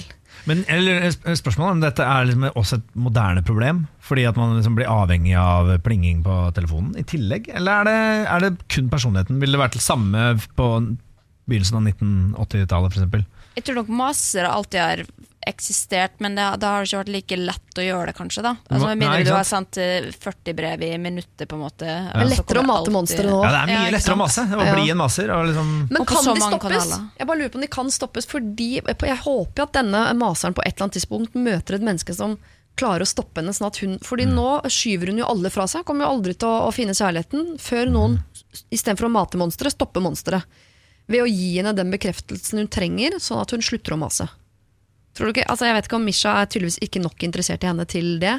Men er det noe man kan si til en maser som gjør at man Eller en som er øh, øh, veldig sjalu, da. Som gjør at ja, vet du hva, nå stoler jeg på deg, jeg kan roe meg ned. Um, nei, det tror jeg ikke. For uansett hvor mange ganger du sier nei, jeg skal ikke være utro, eller jeg skal ikke være sånn eller sånn Hvis du da altså det er så innarbeida i mennesket at uansett hva du sier, så kommer ikke det til å bli betryggende. Så jeg tror ikke at hun over natta kan lære seg å slutte å mase. Kanskje over fem år, hvis de har gått i ha, hard terapi, liksom. Ehm, eller hun har gjort det. Uh, så kanskje er det lettere. Men litt tilbake til liksom, spørsmålet hans også, da. Ja, vi skal, ta, vi skal ta spørsmålet. For det han lurer på, er om han kan kjøre et uh, Altså om han kan bare øh, ligge med henne og være litt sammen med henne, selv om han vet at det kommer ikke til å bli oss to. Du er ikke kjærestemateriale for meg. Er det greit? Det skal vi også ta en runde på, selvfølgelig. Eh, Men først, dette her er Ruben med sin eh, Walls. Siri og de gode hjelperne. Så vi er midt i en case her i Siri og de gode hjelperne, hvor eh, Thomas Wingeren Gullestad og Linnea Myhre allerede har prøvd å hjelpe Misha. Vi tar ikke den interne humoren der som du henter fra norske byggeklosser. Um, men han vil kalles Misha, og han har et problem med en dame som han i utgangspunktet liker. Hun maser så mye at han orker henne ikke lenger. Eh, og vi har prøvd å finne ut av om det går an å helbrede en maser. Der hadde vi ikke verken eh, noen piller eller gode råd. Men det han egentlig lurer på, er kan han eh, ha denne personen Han skriver dette. Spørsmålet mitt er er det greit å ha denne personen som en slags booty call fram til man finner en man er forelsket i? Eller er det noe jeg burde si fra om til personen, eventuelt? Hvor går den grensa, hva tenker dere? det høres jo ut som han ikke har lært noen ting eh, gjennom dette. Nei, jeg hang meg litt oppå at han sa at eh, hun har fin kropp og Ja, er søt, liksom. Bare sånn, ok, men, men hun er et jævlig menneske, og derfor skal du fortsette å ligge med henne. Det er, makes no fucking sense. Hun er jo fortsatt et menneske, liksom. Da misbruker du henne basically, da. Ja, det, det, er, sånn- det er sånn liksom. Paradise-oppskrift. Men at ja, Jeg skal ha, finne en som er sånn og sånn i utseende. Ja, liksom, ja. Ja, Man er helt ærlig på at han, øh, han Det virker ikke som han har noe mot å ligge med henne, men han liker ikke øh, personligheten hennes godt nok til å kunne bli kjæresten hennes. Må- Vil det si at han må stoppe også å ligge med henne? ja, jeg føler jo at han uh, burde gjøre det bare for å beskytte seg selv. Uh, ja. altså, selvfølgelig henne, men også seg selv. For vil du gjøre den dama her sint? ja, for jo lenger du ligger med henne, jo verre er det jo å, å støte henne fra seg. Ja, ja, plutselig, plutselig. Og Hun er plutselig så blir hun gravid, gravid, og så får du barn med et, et skikkelig sånn masete barn. Eh, Nei, jeg ville ha, jeg ville ha droppa henne med en gang, og kanskje gjort henne en tjeneste og sagt du, det, blir litt, det blir litt mye. Det blir litt mye mas. Og da kan jeg love deg at da er det fire mer, uker til med mer mas og hvorfor og hvorfor ikke og sånn. Men da må du bare ja, stå i det. Hold on, be strong, som ja. mm, Maria, Maria Haukås synger. Haukås mittet. Ja. Ikke lenger Storås der, altså. Men eh, hvis det er sånn at han vet at det kommer ikke til å bli de to, han er ikke forelsket i henne, så har han vel ikke noe å tape på å ymte frampå med forslag om Altså, det blir ikke oss to. Skal vi være eh, veldig, veldig gode venner allikevel i en periode framover? Hva om vi bare ligger sammen? Jo, men Det kan du godt si til ei jente, men da er det et eller annet håp der. Ja, ja. Eh, Jeg får helt vondt i kroppen av å tenke på at han skal gå for den løsningen. Ja. Jeg, får, jeg får helt sånn eh, jeg får pustevansker. Ja, for Det er også slemt, for hun kommer ikke til å klare å si nei, selv om hun burde hun, han må beskytte henne. Ja, For det første så må jo han være kul mot henne, og hun trenger sikkert så og så mange beskjeder øh, om at hun er masete før hun liksom kanskje gjør noe med det. Mm. Kanskje. Og, og så er det jo selvfølgelig det aspektet at han Han vil jo mest sannsynlig bruke alle sin, altså det, alle sitt øh, våk, hele våkne liv på å liksom, dodge henne ellers. Ja. Eh, Så det er jo Men bruk det som en studie også, da. Stille spørsmålet hvorfor. Hva tenker du når du sender 40 meldinger i løpet av de to timene vi ikke svarer? Mm. Hva tenker du da? Bare sånn av ren nysgjerrighet. Hva Man kan jo hjelpe henne også. og, eh, meint å stille et sånt spørsmål.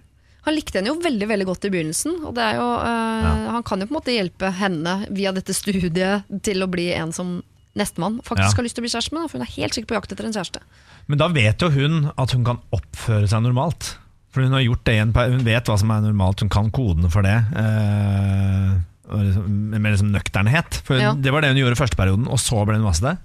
Ja. Så da har, hun jo, da har hun det jo i seg. Da vet Ja. hun egentlig hva som er eh, Ja, sant? Men Eh. det kan jo, vi, det kan jo hende at liksom, hvis han uansett sier til henne ja, men du maser mye, eller bla, bla, bla, så, så kanskje gir hun seg da. Men da ligger det jo fortsatt i på en måte fingrene hennes å gjøre det. Men da, Ja.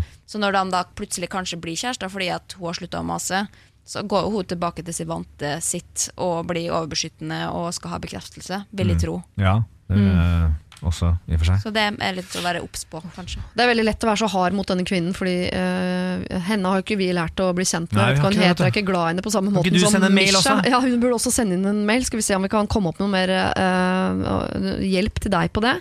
Men vi skal jo hjelpe Misha, som lurer på om uh, han kan bruke henne som en booty call fram til han blir forelsket. Der syns jeg jeg hører et rimelig rungende nei, Misha. Om du velger å følge det eller ikke, det er jeg usikker på, mildt sagt. Eh, men vi syns at du ikke skal bruke dette mennesket som en call. eh, altså av hensyn til henne, men også av hensyn til deg selv, og hva du potensielt vikler deg inn i her, hvis du går noe videre med dette. Siri og de gode hjelperne. Demi Lovato med Clean Bandits solo heter altså låta. Leste jeg en nyhet om Demi Lovato her om dagen ligget i narkose? Eller, Overdose eller noe? Jeg så en eh, dokumentar om henne som lå på YouTube her om dagen. Du har fått dokumentar allerede, ja? Ja, den var fra i fjor, så det var mens hun enda var nykter. da Så det var litt trist å skulle se det nå. hun har vært på rehab. Ja, det eneste som slo meg når jeg så nemlig bildet, var at jeg trodde det var uh, Demi Moore. Tenkte sånn, herregud, holder seg godt. men det, det var for godt til å være sant. Uh, men hun er altså eh, knarkoman, eller? Barnestjerne, da. Så det er jo det som skjer. da Ja, hun er barnestjerne, ikke sant? Ja, det visste jeg ikke Fra. Disney. Var det, Mickey? Mouse Ja. Club, liksom? Nei, ikke akkurat det, men kanskje det som var tilsvarende på 2000-tallet. da Pokémon Club. Ja. Ja, det er jo Disney, som du vet. He-Man, først var det He-Man Club, og så var det Ok, la Demi ligge. Eh, vi skal over til Lisa og Håvard, et eh, kjærestepar. eh, hvor det er vel Håvard som er problemet i dette kjæresteparet, i hvert fall i denne casen. Håvard. Jeg og kjæresten min har vært sammen i et halvt år, og etter at, møttes, etter at vi møttes på Tinder. Han er fantastisk på nesten alle vis. Han lager nydelig mat, er romantisk kjekk og alt det der. En drømmefyr. Men det er én ting. Etter noen måneder sammen begynte han gradvis å lukte mer og mer vondt eller surt nedentil. I tillegg har jeg sett at når han sprader rundt i bokseren like før leggetid, så er det ofte små tisseflekker. Eh, noe som vises veldig godt i de grå bokserne som han har fra Forsvaret. Dette friker meg helt ut. Jeg klarer ikke tanken på å skulle suge han, og til og med når jeg runker han, så får jeg den ekle, sure lukta på meg. Nei, og, nei, nei, nei. øh, Han dette for noe? syns det er eh, rart at jeg hele tiden insisterer på at vi må bruke kondom. Når jeg bruker også p-stav, men jeg skylder på at jeg klarer ikke å bli kåt jeg, hvis ikke jeg vet at jeg er 100 beskytta fra å bli gravid. Noe som definitivt er en løgn. Jeg har allerede forsøkt å i, å gå i dusjen som en del av vorspielet, og det funker jo. Vi kan ikke dusje hver gang, vi kan ikke ha et sånt sexliv. Jeg har forsøkt å si det rett ut, at jeg syns det er diggere å gå ned på han hvis han er nydusja, men det virker ikke som han skjønner helt hvordan han skal vaske seg, for det blir liksom aldri helt bra. Og jeg har også hintet lett om at gutter også må tørke seg etter at de har tissa, hvis ikke så blir det grobunn for bakterier. Han responderer ikke på dette. Jeg tror ikke dette er et medisinsk problem, jeg tror bare han ikke gidder, eh, på en måte. Eh, og så skriver hun litt om hvordan hun elsker oralsex osv. Hun trenger ikke å bevege oss så veldig hardt inn på det. Eh, men hun er i hvert fall mer glad i oralsex enn å gå inn i konflikter. Jeg vet ikke om hun vanligvis da har sugd seg ut av problemer, men det er da ikke et alternativ her. Jeg orker ikke tanken på å fortelle rett ut, jeg kommer jo til å såre han. Men jeg må kanskje det, hva skal jeg si? Jeg vurderer faktisk å slå opp. Hva skal jeg gjøre? Hjelp. Hvordan skal Lisa få Håvard til å vaske tissen sin? Vær så god. Hun Thomas, må bare ta en tante Sofie og bare sette han binde han fast og vaske tissen hans. I sånn god gammel vaskebalje, liksom. ja, så Gi han ris på baken, legge han liksom over, eh, over fanget. Og spanke han og vaske tissen. Tenk sånn, elsker deg, det er en fetisj du ikke vil vite om. Ja, men er det så gærent, da? Nei, Det er jo bedre fetisj enn fetisjen med å ikke vaske seg nedentil. i hvert fall. Ja, det er en kjemperar fetisj. Ja. Den må være tysk. Ja, Den- eller fransk. De er altså ganske møkte.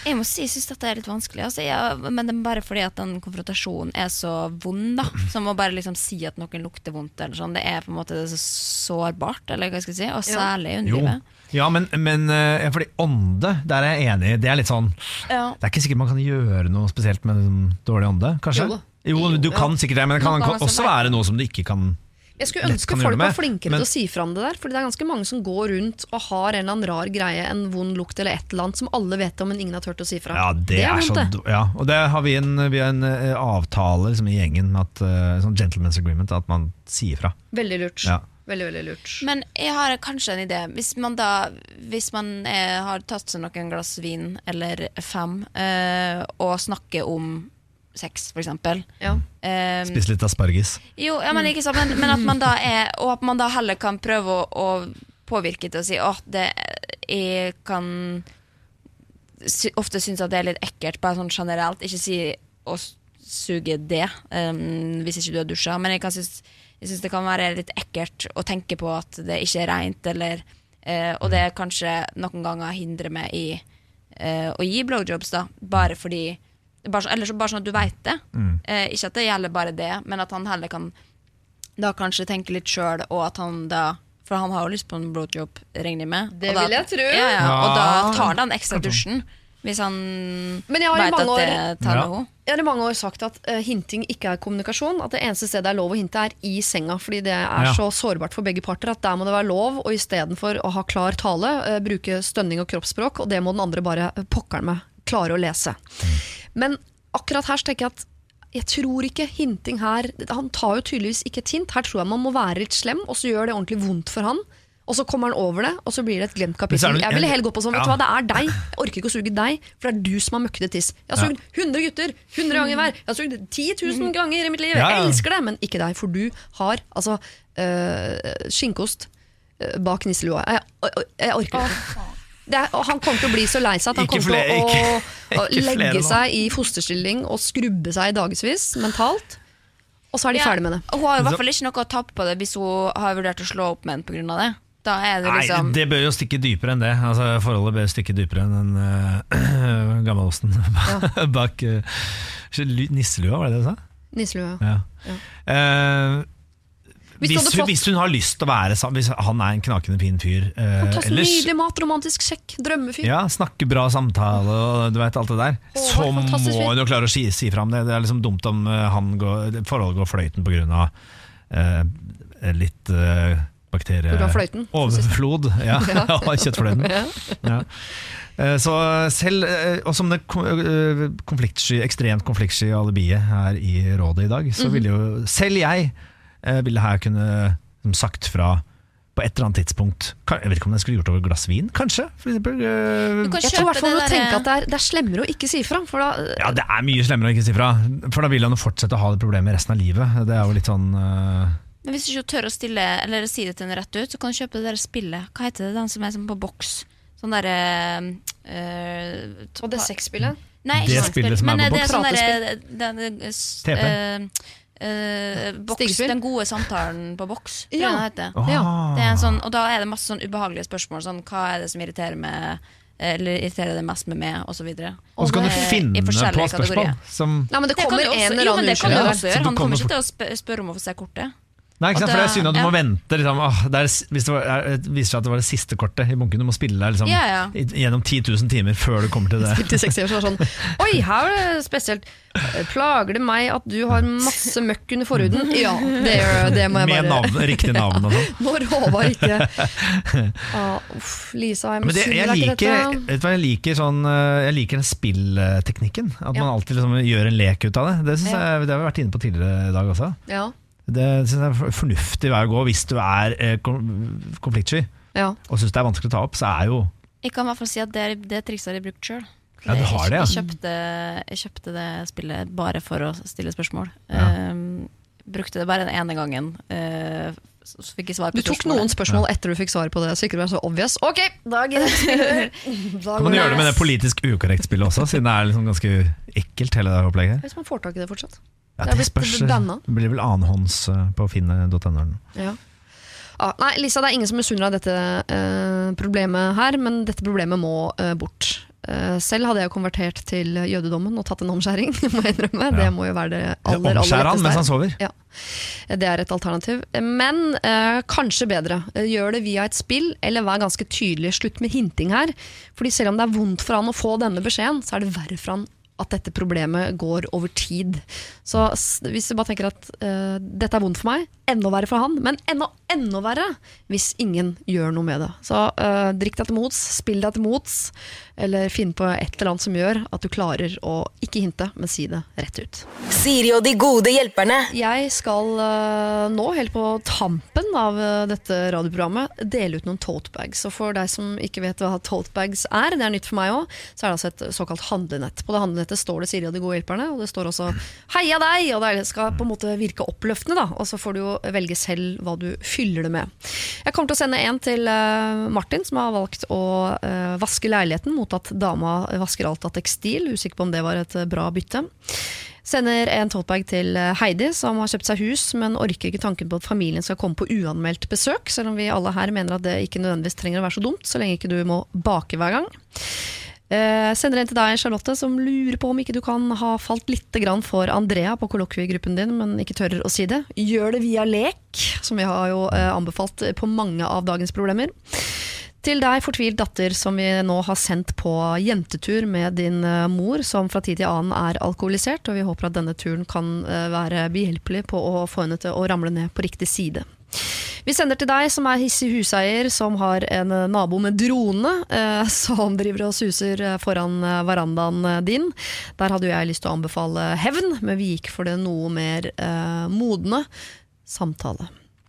Eh, mamma som har en datter med en eh, drøm, eh, du skal få en eh, totebag. Og Andrea, du som har en venninne i utlandet som klager og klager og klager og klager.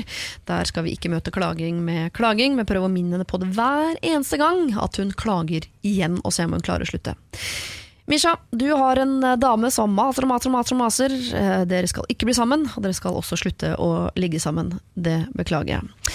Lisa, du har eh, din Håvard, og Håvard han har sin møkketiss. Skulle gjerne sendt deg så mye annet enn en toltbag, men det er dessverre det jeg har for hånden, så det skal du også få. Og så lurer jeg på da, Linnea Myhre, hvem du vil sende en toltbag til, og hva du gjerne skulle ha fylt den med. Altså, det første som slår med med å fylle noe med noe, da tenker jeg penger. Ja. Jeg ville ha fylt, jeg ville fylt alle poser med penger. Mhm. Eh, men jeg er litt sånn usikker på hvem til hvem trenger penger. Det er jo helt åpenbart hvem som trenger penger i verden, men det blir veldig sånn politisk korrekt å skulle sende det til Afrika, på en måte. Ja. Eh, så kanskje bare Sender en sånn pose med Det er ofte mye, mye Ja. stor prosent av pengene som blir borte på veien også. Ja, det er også sant. Ja. Nei, kanskje bare en sånn tilfeldig forbipasserende ute på Jernbanetorget her. Ja. Bare sånn eh, Oi, ja det er stas. Som kan eh, Nei, forresten. Det har man alltid ikke. drømt om. om Når noen spør sånn, har du en tier, og gi dem sånn Nei, vet du hva, du skal få 40 000 kroner. Det er litt, det er litt Men kanskje ikke liksom en narkoman, for da blir det jo bare overdose ofte eh, Ja. av sånt. Eh, så det Nei, men eh, jeg må, jeg må holde det litt åpent. Må... Du tar en Robin Hood, du tar en pose med penger og gir det til noen som trenger det. Kanskje legge den et sted, og så går jeg og plukker den opp sjøl. Who knows? Who knows? Ja. Fyller en pose med penger og tar den sjøl. Det er ikke så Robin Hood, men det er veldig forståelig. Kan ta inn til Sondre, og så kan han spandere Ja. på meg. Lurt. Pose med penger til Sondre. Ja, ja, ja. Det er snilt, men samtidig lurt. Oi, oi, oi. Du har lurt systemet. Ja, Line. Hva med deg, Thomas? Eh, Jeg vil gi en pose som inneholder én svart kamel, for å bare dra en sånn Milla Villa Medusa-referanse. Medusa. Eh, og en eh, Logistics for Dummies-bok. Mhm. Det vil jeg gi til Post Nord. Fordi, hva er det du ikke har fått på døra nå, da, Thomas? Nei, det er all, ingen, jeg har fått masse på døra, og alt er liksom når det kommer tre uker for seg Dette er veldig sånn, Alle har opplevd dette, og Ja. man opplever det hele tiden. Men vi må sette mer, enda mer søkelys på det. Uh, bord, Ja. eh, altså ute, terrassebord, som man gleder seg til å få sånn i mai, når eh, det er fint vær og man skal ha masse til folk som bare stikker innom. Så er bordet knust sånn eh, til 17. mai-feiringa. Mm. Eh, jeg tror det utelukkende er liksom Post Nord sin feil. Jeg har kjøpt eh, sykkel i bursdagsgave til Jenny. Den var, Knust. den var knust. Hele girsystemet var liksom flyttet inn i, i eikene på hjulet. Så det var uh, umulig liksom Skal ikke være der. det er skikk... Nei, skal ikke være der, vet du. For det er lett at det ikke går fra, framover. Så. Men får du erstatta Jeg lurer på Er de rause på erstatninger? Ja, Altså, men det er- tar jo mye tar tid, og så må man drive og ringe, og så plutselig så sender Og så må man returnere varen, ikke sant. Et Ja. 50 kilos utebord i sånn her mørkt, mørkt tre av noe slag. Så Mm. må du returnere den, pakke den inn i denne um, ihjelslåtte pappen som den kom i. Så det er umulig, det bare velter liksom ut isopor og papp og bord og fliser og alt. Det er bare dritt. Ja. Så det, mm, og så når de først skal komme og hente det, etter tre uker, eh, så eh, ringer de bare Du, jeg er bare én fyr, jeg klarer ikke å løfte dette, dette bordet alene. Så da får de ikke tatt det med seg. ikke sant? Så det er, sånn, det er mye, mye styr. ja. Så eh, de må lære seg, når de driver med logistikk, så synes jeg det er en fordel om de kan det Ja. Enig. Ja. Det hjelper ikke å bare ha lappen. Nei, på måte. ikke det, Kan du sende den samme posen også da til dem som driver og selger billetter til Britney-arrangementet uh, på Telenor Arena? Ja. Uh, jeg får ikke dratt, uh, og, men jeg må likevel hente billettene der samme dag med Jeg skal dit, ID. jeg. Kan gjøre det. For å Jo, men du er ikke med. Du er ikke mitt Er ansikt. ikke langt unna oss. Nei, det er for sant. uh, men uh, hva skal man gjøre da? Finne et nytt system. Jeg kan ikke dra ut dit for å så hente dem. Nei. Altså, da hadde jeg dratt sjøl. Jeg trodde dette var liksom innarbeida Nei, nei, nei, nei. Ticketmaster. Er det det utenom? Og, og, og er det et nummer man kan ringe for å spørre? Nei. Nei, ikke det. vet. Må ringe Britney sjøl. Ja. Jeg håper PostNord leverer på tirsdag. Jeg forventer et par leopard boots på døra mellom fem og ni. Så får håpe at jeg Mm. De har bedre erfaring. det kommer til å komme sjakkrutete boots. Eller knuste med noe gir oppi og noe greier. ja, ja. Eh, da blir det eh, til, til eh, Post Nord og en eh, med penger til eh, Sondre Lerche. Det blir veldig veldig bra. Det tror jeg dere kommer til å sette pris på. Det syns jeg han fortjener. Og hvis du som hører på eh, trenger hjelp, eller bare har lyst på en totebag, og graver fram et problem eh, du vil at vi skal hjelpe deg med, så eh, send det altså inn til sirialfakrøllradio1.no. Tusen takk Linnea og Thomas for at dere ville være sammen her i dag. Tusen takk for at du ville ha oss her. Og ha en god høst, da. Oh, nå kjente jeg at jeg fikk Nå håpte jeg liksom litt at det lå en pose med penger når jeg kom hjem. Ja. Kan hende. Eh, Det kan hende. Men du, ikke si god høst, da. Det er så trist. Elsker høsten. God høst. Høst, høst, høst, høst, høst, høst, høst, God vår, kan jeg si hele tiden. høst, høst, høst, høst, høst, høst. Ha det. Siri og de gode hjelperne.